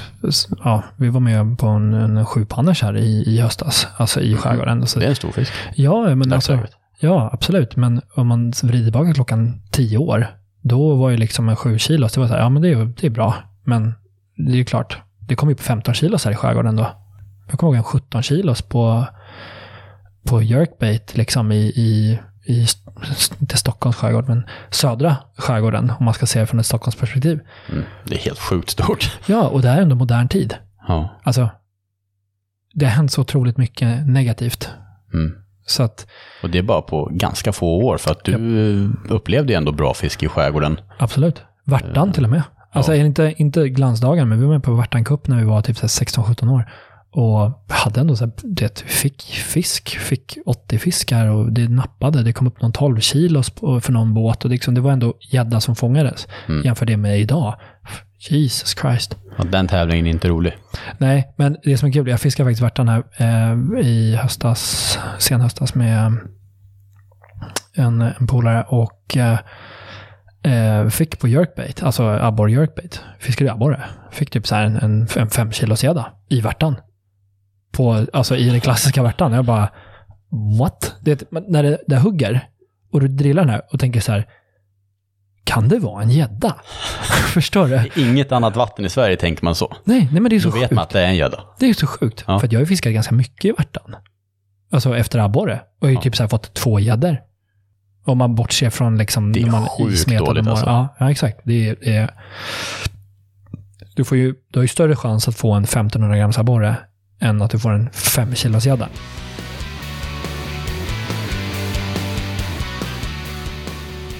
Vad tror du Adam om, för du sitter ju liksom, eh, jobbar dagligen med sportfiskeindustrin. Och vad tänker du att nästa stora trend blir inom fiske? Jag har trott i många år att nästa stora trend, alltså den, vad ska jag säga, om man ska se trend som eh, jerkbait-fiske på abborre eller eh, spinnerbait, eh, mm, bla bla bla. Så jag, jag tror, jag kan inte sätta fingret på vad jag tror att trenden är. Det känns just nu som att vi väldigt mycket eh, företag och eh, eh, leverantörer går runt på samma Alltså, man kommer med ett nytt jerkbait, man kommer med en ny gummibete eller eh, ett chatterbait eller whatever. Att nästa stora trend kommer vara inriktat inom abborrfisket. För där finns det också en, en bredare bredd av eh, metoder, tekniker, tillvägagångssätt, eh, platser, olika typer av abborrfiske. Så att där finns det mera utrymme för alltså, trender att blomma fram. Vi såg ju här nu för några år sedan chatterbaits, vad det slog. Mm. Bara boom, eh, eller vibrating jigheads. Eller, ja, Men det var också hela typen av fisket på samma sätt. Där Ja. Att attackera dem på sommaren I gräs liksom. i gräs, skärgårdsmiljö och med väldigt ettriga beten. Det var ju hela, hela paketet. Ja. Känns som att det blev en så stor trend. Chatterbaits var ju bara... Ja, innan det så fiskade man ju bara liksom typ jerkbaits. Och sen såklart, Mm. har alltid funnits original. Jag kommer ihåg eh, när vi rekade inför första Perch Fight, då var ju liksom, då hade jag en hel låda med, med chatterbaits med mig. Som jag hade köpt i USA senast. Mm. Funkar skitbra. Och sen, ja, tre år senare så, så boomar det typ. Eller vad man ska säga. Ehm, men jag tror ändå så här, har fiskat väldigt mycket spinnerbaits för abborre. eh, I alla år. Och spinnerbaits har alltid funkat.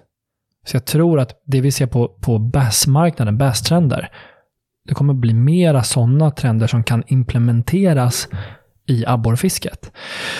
Till exempel hade en sån här aha-upplevelse nu senast. Jag hade en sån här aha-upplevelse nu senast när vi var nere och spelade in um, höstlovsutmaningen med Sportfiskarna, fiskutmaningen. Eh, och jag pratade med Jonas innan, min kollega, och han sa, alltså om ni åker till de här spottarna och så kör ni med Astrovibe. Bara, Astrovibe, inte jigg liksom. Jag tänkte så här, typ sakta jigg, fiske djupt och, och så. Men Astrovibe, det är typ så här Ja, vibrationsbete ja typ. precis. För, Ja. att, för att specificera. Det är, det är liksom det är ett blade. Den är, den är platt, den, har en, den är tung, den har en rasselkammare, så den fiskar den ger väldigt hårda vibrationer och, och mycket ljud. Fiskar den på botten och liksom första kastet får jag en, en 1400 grammare. Och bara, "Åh, okej. För jag har bara... Första kastet för dagen. Nej, men ehm, just gällande blades på hösten har ju varit någonting som jag inte har liksom tänkt, Mm. det här fångar stor fisk. Eh, men sen så var det någon som kommenterade på, på ett inlägg där på Instagram och sa, ja men det är ju faktiskt väldigt vanligt i USA att man fiskar blades på bassen sent, kallt vatten, en cold water eh, liksom. Okej. Och jag vet också att mycket spinnerbaitfiske bedrivs ju eh, under hösten. Mer på hösten. Och chatterbaits och buzzerbaits, det är mera sommar. Så att spinnerbaits på höstfisket efter bass då, att det imiterar flera betesfiskar. Eh, och du kan fiska långsamt eh, och allt det där. Så det kanske är någonting som kommer mera. Att liksom, ett crankbait är inte bara ett crankbait, utan det har så mycket mera användningsområden eller längre användningsperiod.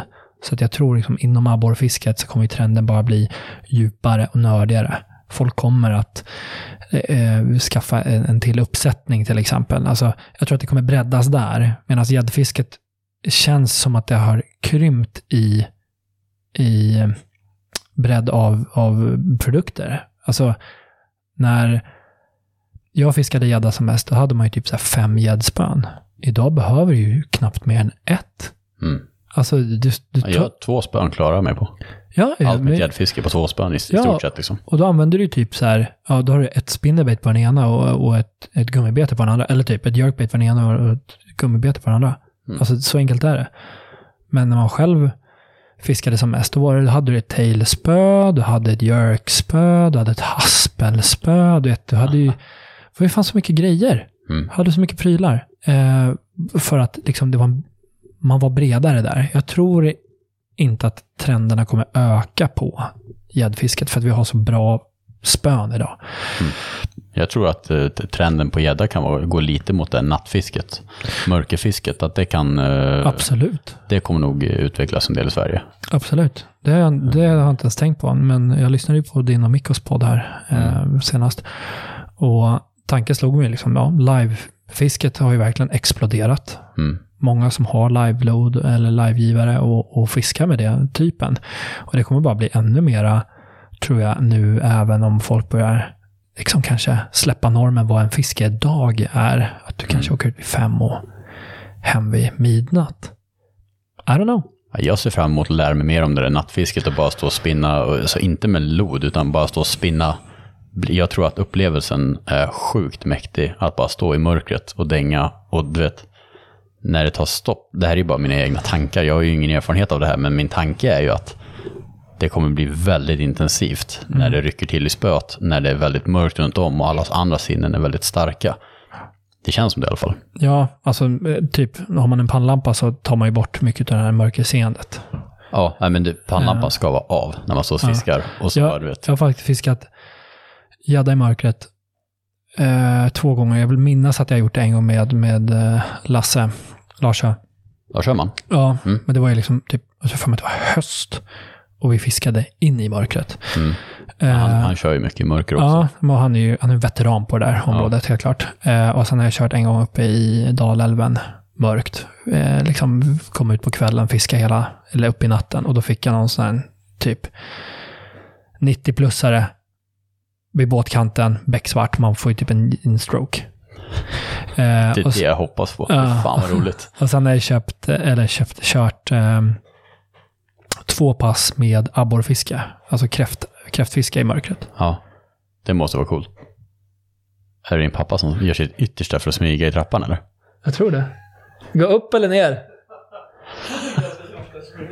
Det lät som att du gjorde allt du kunde för att vara tyst i bakgrunden. The Fat Ninja. vad roligt. Ja. Gå upp och gömma sig igen. Bara, jag tror att trappen går. liksom. Den håller på att dra. Man hörde verkligen att det var så här ett, ett väldigt starkt försök att gå tyst i en, i en trätrappa. Det hade bättre bara hoppat ner. Det blev så här utdraget knarr för att det bara så här riva av plåstret långsamt. Ja. Eh, nej, men jag har lagt två pass på, på abborre. I, man fiskar in i mörkret på, med, med kräftjiggar. Och där märkte direkt liksom att eh, ett av de här passen var med ett par veteraner i vad det gäller liksom att jigga kräftabborre i mörkret. Och det är ju eh, med Petter Eriksson och Manuel Fyrestam, Martin Mm. Wasberg.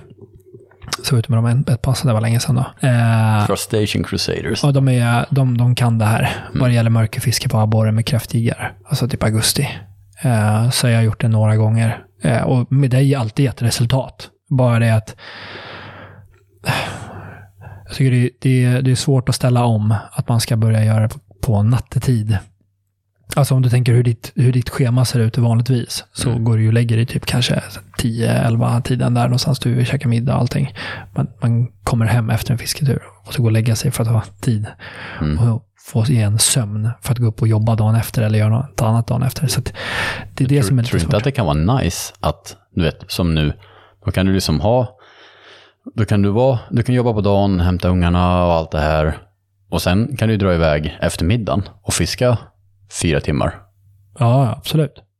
och klämma in ett, ett, ett kort pass på kvällen Ja. när det är mörkt, när man vanligtvis egentligen ser den tiden som ej produktiv inom sitt fiske. Mm. Nu kanske man kan dra iväg och fiska några timmar i en eh, sjö som håller kräftaborre. Ja, Och absolut. klämma in ett så kvällspass. Ja, absolut, absolut. Så det kanske kan vara så här grej för folk kan dra iväg och fiska mitt i veckan. Ja, ja klart. Ja, natten är ju, natten är ju din. Ja. Ehm, men eh, nej, men absolut. Det är helt klart en, en, en trend. Men jag ser liksom inte att, om man ska säga pryltrend, så tror jag att eh, där kommer det vara mera eh, fokus på eh, abborre. Det, är- det är min, eh, det är min liksom, Mm. eh, spekulation inför 2023. Mera abborre. Eh, Mer fördjupning inom abborre. Ja, men det tror jag. Det, jag ser ju fler och fler som verkligen tar liksom, större kliv in i abborrfisket. Fler och fler liksom anammar sig och helt plötsligt så börjar det spruta upp jätteabborrar på andra ställen än, än bara som det var för några år sedan. Kalmarsund liksom.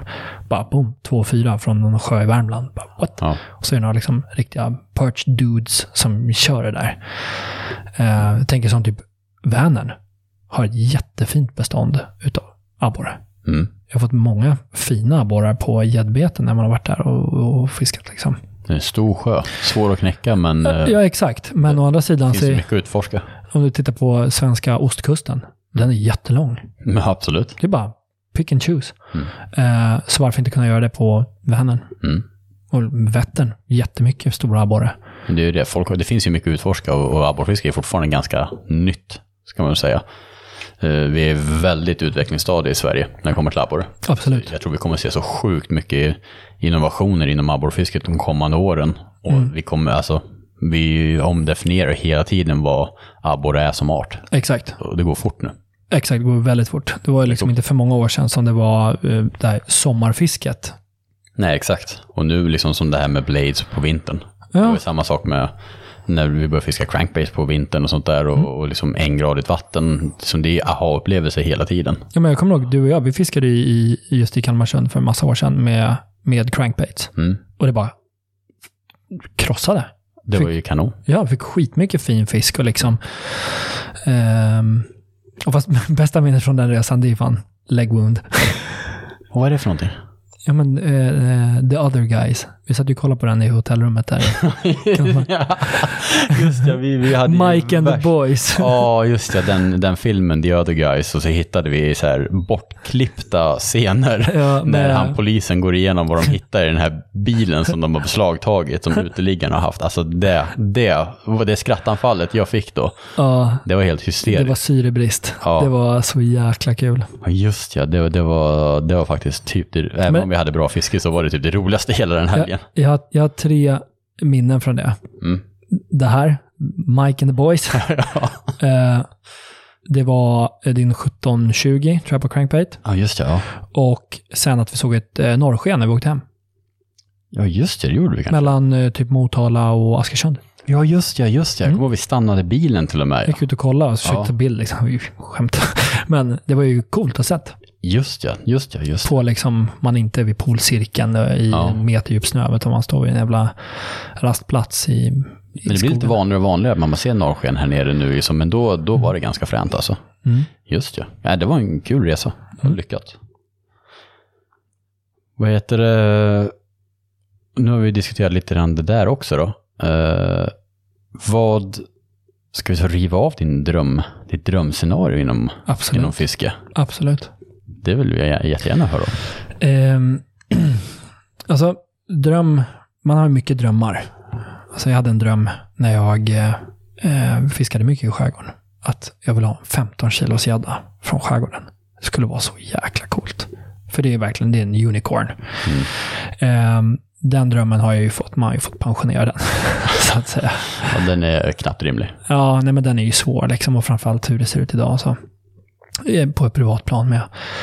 Eh, men i och med att man har barn, man har en passion, ett intresse, man har, eh, man, har, man bär ju med sig sina upplevelser genom livet och man skaffar sig nya erfarenheter, man lär sig nya saker och eh, jag stormtrivs så ute i skog och natur, ute på sjön och gärna gå i land och så här alla mina sinnen blir till lags med att vara ute.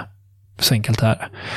Och min stora dröm skulle ju vara att kunna ta med mig mina barn ut och förmedla den här passionen och den här känslan till dem. Det behöver inte gälla liksom att nu ska vi fånga en 10 kilos gädda. Mm. Utan det kan vara att man har med sig tältet, man gör en upplevelse där man lagar mat på gjutjärnspanna över öppen eld, man kokar kaffe eller liksom kan dricka bäckvattnet och liksom man får dela hela den här upplevelsen, sova i tält, sovsäck, liksom myggbett, allt det här. Få, det, är liksom en, det är en dröm jag bär med mig, alltså, som mycket väl kommer bli verklighet, eller kan bli verklighet. Men jag hoppas verkligen att jag får eh, infria den här drömmen med båda mina, mina avkommor, då, så att säga. att man liksom kan få med sig det här och ge dem det. Eh, för att det är sån, sån kraft i den kunskapen som du inte kan få tag i på något annat sätt än att vara i naturen, vara en del av naturen. Om du bara sitter hemma och spelar tv-spel och bygger lego, så missar du det. Så att jag känner ändå att det är en vikt av att, eller det är på något sätt också ett ansvar att man ger sina barn det. Att man försöker.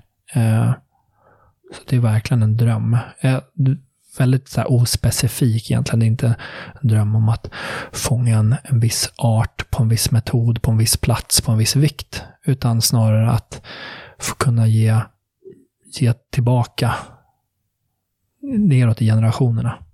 Det var väldigt kul, det var oväntat. Exakt. Det var väldigt oväntat. Ja. För kul. att jag Väldigt, väldigt mogen fiskdröm, skulle jag vilja säga. Ja, och den kanske är liksom tråkig att lyssna på. Om man tänker, eh, eh, jag tänker så på Mikos, eh, som vi lyssnade på här senast. Och en otroligt, vilken dedikation. Mm. Alltså med den den, här den, öringen. den öringen var ju magisk. Så jäkla coolt. Mm. Eh, och det är klart att man har sådana drömmar med. Eh, men de är inte, alltså de är, de är irrelevanta. Det är liksom, det är i, i det stora hela konceptet. Jag tycker det var en väldigt fin fiskedröm du, du eh, fick delge. Ja, ja men jag hoppas att, eh, att fler eh, som har fisket som huvudin, eh, liksom huvudintresse känner det med, eh, med, eh, med sina barn. Att man, eh, det finns ju en, en, en kille som eh, heter Fiskefamiljen tror jag på, på Facebook. Mm. Det är en mamma och pappa och så har de två barn och de tar med sina kids och fiskar jämt. Ja. Jag, liksom, jag känner inte dem. Men jag tycker Nej, jag, jag vet vilka de är också, jag Ja. känner dem inte, men Alltså, jag, jag, supportar det till 110 procent. de verkar tokiga hela familjen i fiske. Ja. Sen säger inte jag att man ska, eh, nu säger jag inte att de gör det heller, verkligen. Det de gör är, jättefint. Man ska liksom såklart aldrig tvinga på någonting på någon. Eh, det är det bästa sättet att dem att inte vilja. Mm. Det vet jag min svärfar berättade för mig att hans farsa var ju fiskare i den benämningen att man, ja, man fiskade med nät, not, liksom. Uppe För- i Piteå. Ja, för, för, liksom för, eh, för hushållet. Där shoutout till Roger Holmbom. Heja dig. Ehm, och han berättade för mig att hans pappa sa liksom att du ska vara pigg. Klockan fem på morgonen ska du stå här påklädd och pigg. Varför får du inte följa med? Och så stod han där och så sömndrucken liksom. Får inte följa med. Va? Varför inte? Du ska vara pigg. Du ska vara liksom, du kan inte dra med ut en sömntuta liksom. Så han gav sig fan på att han ska följa med. Jaha, vad roligt. Så han stod där i vakt, fem på morgonen, eller vad det var. Ut i båten. Och så det la de ett, ett strömmingsnät som det höll på att brista. det hur mycket strömming som helst. Och han bara, det är liksom ett sånt minne som, som han bär med sig, som han har förmedlat, eller delat med sig till mig. Som jag kan sitta och berätta här idag. Det var ju Eh, roligt. Ja, absolut. Så, för det spelar ingen roll om det är tennis eller om det är eh, ridsport eller hockey. Om du tvingar ut den där ungen på en tennisplan eller en isrink eller i en båt. Det blir verkligen tvärtom. Det blir tvärtom. kommer ju skrämma bort den. Så det är därför också just det här med att man har gått barnvagnspromenader med ett spö och när, om en unge har varit vaken, typ en varit hemma och vabbat, den ena och den andra sover, fångar en abborre, visar abborren, vill känna på abborren, släpper tillbaka den. Mm. That's it. Gå hem. det, jag hade en, en vän i Finland som ville försöka få in sina barn på fiske. Mm. Och då åkte han ju ut. Och det är ju klart, han tar inte med en fyraåring på pelagspinn efter gädda. Han åker ju ut när det finns tid, när barnen själv känner att det vore kul, man gör en rolig grej av det, mycket fika, bullar och grejer. Och så typ metade de mört i vassen. Och han har ju typ någon sån här sportfiskebåt. Och då är det så här, ja, får man en mört och så där, du vet, lägger man en livewellen, barnen kan få kika på den, tycker och så fort barnen bara så här, ja men börjar bli lite så här, det är inte så kul, ja in. Direkt alltså. Ja. Så att det bara ska vara en fin upplevelse och, och barnen själv ska liksom styra över det roliga. Jag försökte, so- jag försökte i somras med, med min son. Så frågade jag, jag hade köpt metspön och det är ett gäng smågrabbar där uppe i familjen. Är det någon som vill meta? Alla bara, nej. bara, okej, packa in. Så bara, dagen efter, är det någon som vill meta? En bara, mm, jag vill, om mamma följer med. Och då var en annan som, ja, kanske typ. Slutade med att jag åkte ut med min sons sysslingar och eh, min sambos eh, kusin och fiskar. Fick en id. Mm. Och sen efter 20 minuter, jag vill åka hem, ro in. Ja. Den ena killen, jag, jag vill fiska mera. Vi har ändå bullar kvar. Okej, kör vi 20 minuter till. Fick ingenting. Nej. Så vi åker hem. Ja, vi åker hem. Klart. Det låter Så- rimligt alltså. Men hade jag liksom... Klart, hade man lyft ner sin grabb i båten och sagt att vi gör vi det här, det blir kul. Mm. Det hade ju säkert gått bra. Eh, Men jag är livrädd för att tvinga på honom någonting. Ja, men det låter jätterimligt alltså. Sen är det en annan sak. Liksom. Vi, vi måste gå på simskola. Du måste kunna simma. Liksom. Tvinga dig att simma. ja, men liksom, och där får man ju också vara försiktig. Jag vet, min yngsta brorsa, han, han skydde vatten länge. Jag och eh, mellanbrorsan, vi seglade och hade oss hur mycket Jag trodde du skulle säga att vi brukade putta honom. Nej, nej, nej. Vi hade Inte väldigt- konstigt att han var Jag hade väldigt mycket respekt för, för, eh, för, för, för det här. Då. Men det tog lång tid innan han liksom släppte. Och jag och Axel, då, mellanbrorsan, vi nu kommer vi vara i Grekland, vi snorkla och det är fånga bläckfiskar och det är så här, bara bodde i vattnet. Han var väldigt så här, tyckte inte det var behagligt. Ehm, och det måste man ha respekt för. Så att, nej, det är, en, det är som sagt det är en dröm att kunna få, få ihop den här eh, passionen och att den ska kunna gå vidare. Kul. Och oväntat. Kanske. Men det var väldigt fin. Tack. Ja, Adam. Nu har vi babblat på bra länge här. Ja. Inte, inte mycket och mycket, men eh, Nej, men eh, Mikko. Mikko är inte direkt någon så stapel för hur en podd ska vara i längd. nej, det, är, det är extreme. Men det var jättekul att ha med dig i podden. Tack för att jag fick vara med igen. Och jag hoppas, ja igen. Och jag hoppas alla ni som lyssnar har gillat det här avsnittet med Adam Orre. Och om ni vill följa honom på sociala medier, vad heter du på Instagram? Adam understreck CWC. Och vill ni hitta hans bror, då söker ni på gonorré på Google.